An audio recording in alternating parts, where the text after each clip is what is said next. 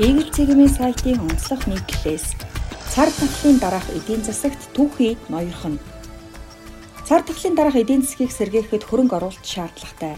Энэ хөрөнгө оруулалтыг улс орнууд төв банкнаас засгийн газрын бонд худалдаа авч хөнгөлөлтөө зээл гарган тусгай санхүүжилтээр шийдвэрлэж байна. Ковид-19 халдвар түвшний тархалтыг хомих бууруулах нь тусгай санхүүжилтийг үр дүнтэй хөрөнгө оруулалт болгоход чухал нөлөө үзүүлэх нь дамжиггүй. Ковид-19-ийн эсрэг вакцин гарч дархлаажуулалтын аян дэлхийн өнцөг боломборт өрнөж байгаа. Гэвч вакцин улс болгонд хүртээмжтэй биш байна. Вакцины хүрэлцээ өрнөдийн орнуудын эдийн засагт ч муугар нөлөөлж байгаа юм. Дэлхийн бараа бүтээгдэхүүний худалдаа авагч улс болох Америк нэгдсэн улс Европын орнуудад халдвар улам ихсэж буурахгүй байгаа нь олон улсын эдийн засгийн сэргэлтийг хойшлуулахад хүргэж байна. Америк нэгдсэн улс Европын орнуудын халдвар бурахгүй байгаа нь түүхий эдийн эрэлтийг хомж байна. 2021 оны зунаас вакцинжуулалт идэвхтэй явагдаж COVID-19-ийн халдварын тархалт буурах таамаглалвэ.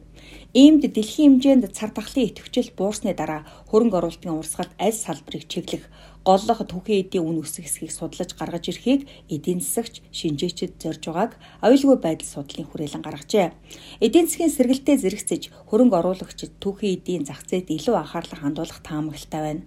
Учир нь дэд бүтцийн салбарын бүтээн байгуулалт эрх жилүүдэд өснө гэж олон улсын валютын сангаас гаргасан энэ оны эхний тайланд дурдсан билээ. Түүхэн эдийн үнийн шин супер цикл эхэлж магадгүй гэж JP Morgan Chase Co байгууллагаас онцолжээ. Энэ нь сүүлийн үед хөдөө аж ахуйн бүтээгдэхүүний үн огцон өсч, металлын үн сүүлийн жилүүдийн хамгийн өндөр түвшинд хүрч, нэг баррел газрын тосны үн 50 ам доллароос даваад байгаатай холбоотой юм. Эдгээр үнийн өсөлт нь цагуурын өөрчлөлтийн эсрэг газрын тосны нийлүүлэлтийг хязгаарлах Сэргээгт хэрчим хүчний дэд бүтцийг байгуулахтай холбоотойгоор металлын эрэлт нэмэгдэх зэрэгээс шалтгаалсан байх магадлалтай гэж JP Morgan Chase-ийн эдийн засагч Марко Колоновокор ахлуулсан эдийн засгийн шинжээчдийн баг үзэж байна.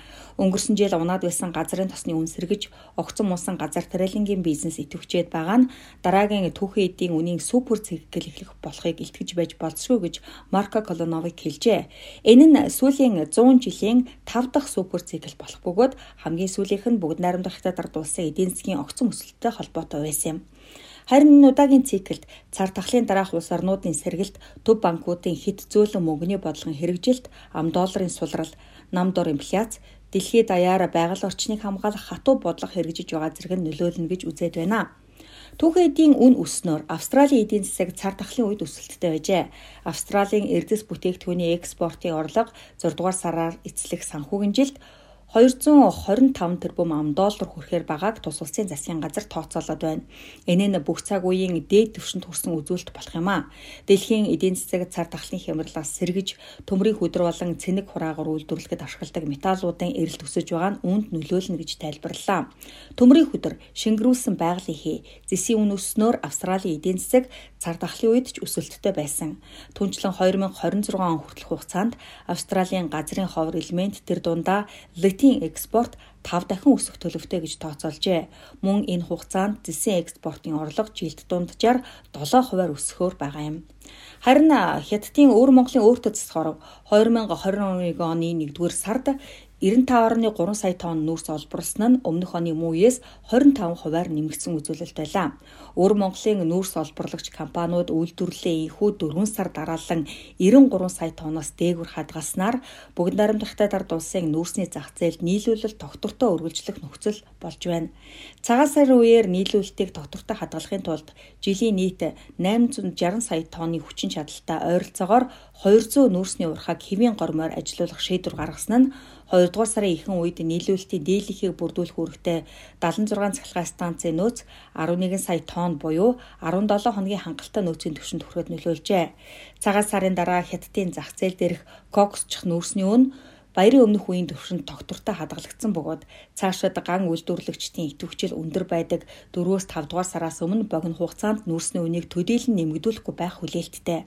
Харин дэлхийн зах зээл дээрх коксчих нүүрсний үн энтхэгийн гангийн үйлдвэрүүдийн эрэлт өндөр байгаа нөлөөгөөр нэмэгдээд байна. Бүгд найрамдах хятад ард улсын хойд мужуудын нэг шансын мужийн хөрн нүүрсний нөөц 2 дугаар сарын 19-ны байдлаар 544 сая тонн хүрч цагаан сарын өмнөх үеэс 741 хувиар нэмэгджээ. Энэ нөөцийн хэмжээ 5 сая тоннд тогтвортой хадгалагдаж байсан бол 1-р сарын дунд үеэс хойд мужуудын бомбт дээрх нөөц нэмэгдсэн нөлөөгөөр хурдтай өссөн. Цаашид хүүтний улирал дуусч нийлүүлэл тогтвортой байх хүлээлттэй тул үн богино хугацаанд нэмэгдэхэргүй байна. Дэлхийн түүхийн эдийн зах зээл сэргийх таата нөхцөл бүрдсэн талаар дээр дурдсан цар тахлын дараах эдийн засгийн бодлого нь зах зээлд их хэмжээний бэлэн мөнгөний нийлүүлэлт хийгдэж худалдан авалтыг дэмжих болсон юм. Энэ нь эцсийн бүтээгдэхүүний үнээс илүүтэйгээр анхдагч түүхийн эдийн үнд шууд нөлөөлж байна.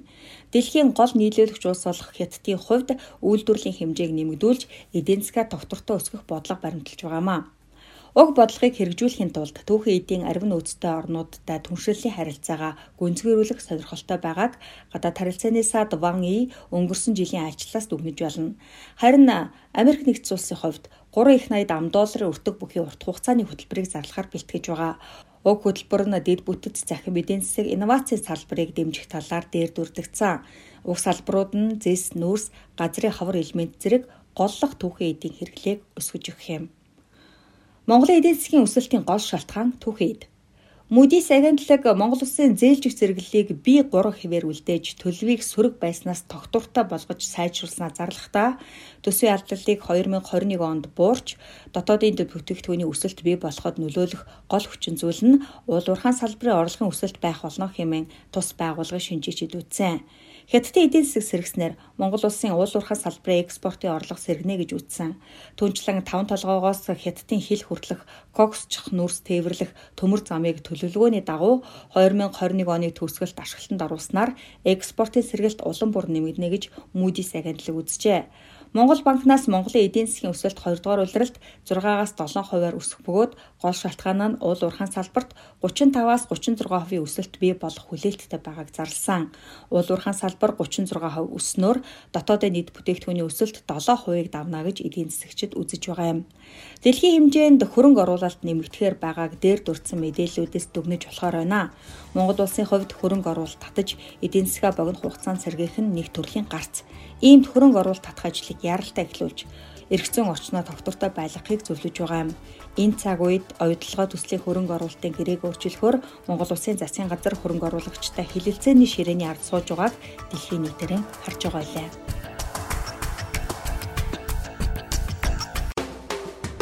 Итгэж болох экссурулж. Игэл радио 91.1